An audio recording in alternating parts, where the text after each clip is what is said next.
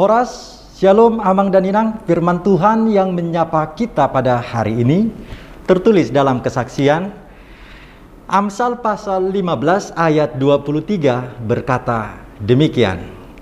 Seseorang bersuka cita karena jawaban yang diberikannya dan alangkah baiknya perkataan yang tepat pada waktunya. Dalam bahasa Batak disebutkan demikian daputan las niroha bawa marhite sian paraluson ni pamanganna. Jala hata si sandokpe ditiki halehetanna macai denggando demikianlah bunyinya. Firman Tuhan yang menyapa kita saat ini memberikan sebuah makna. Berbicaralah seperlunya dan sepatutnya apa yang mau dikatakan dalam sastra hikmat kitab Amsal ini adalah perbandingan hidup dalam dua sisi yang berbeda.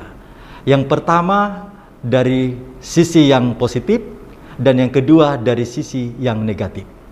Tentu hal yang dilazimkan dalam hal ini adalah sisi yang positif mengarahkan setiap kehidupan kita agar seturut searah dengan Tuhan perintahkan melalui firman-Nya.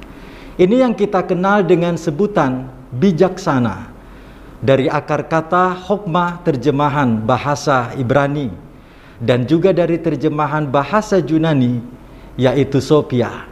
Bijaksana mencakup dengan sebuah kata hikmat yang sempurna. Hikmat ini bersumber dari firman Tuhan.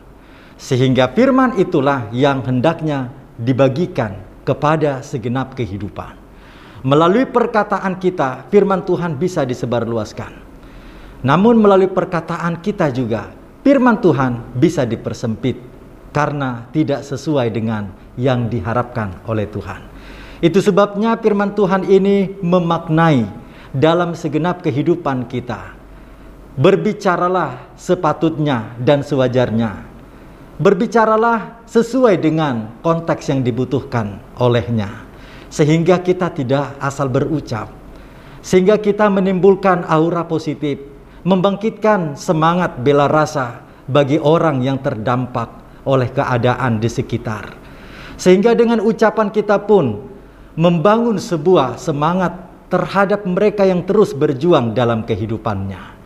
Sehingga nyanyian sekolah minggu dulu masih tetap cermat untuk kita lihat bahwa hati-hati gunakan mulutmu karena Bapa di sorga melihat memantaunya. Dengan demikian, Amang dan Inang, kita sekalian jemaat yang dikasih Tuhan.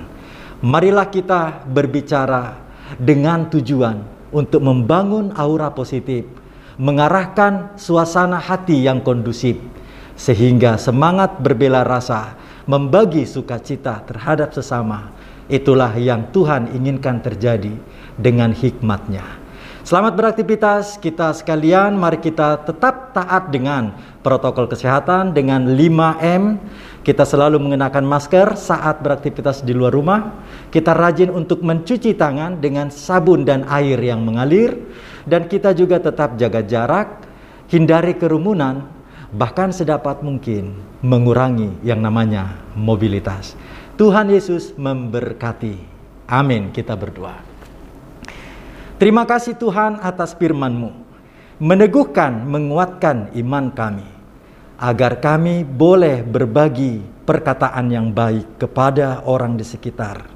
Dengan demikian, semangat pengharapan yang dari Tuhan tetap bagi kami diam dalam mewarnai masa-masa sulit ini. Dalam nama Yesus kami berdoa. Amin.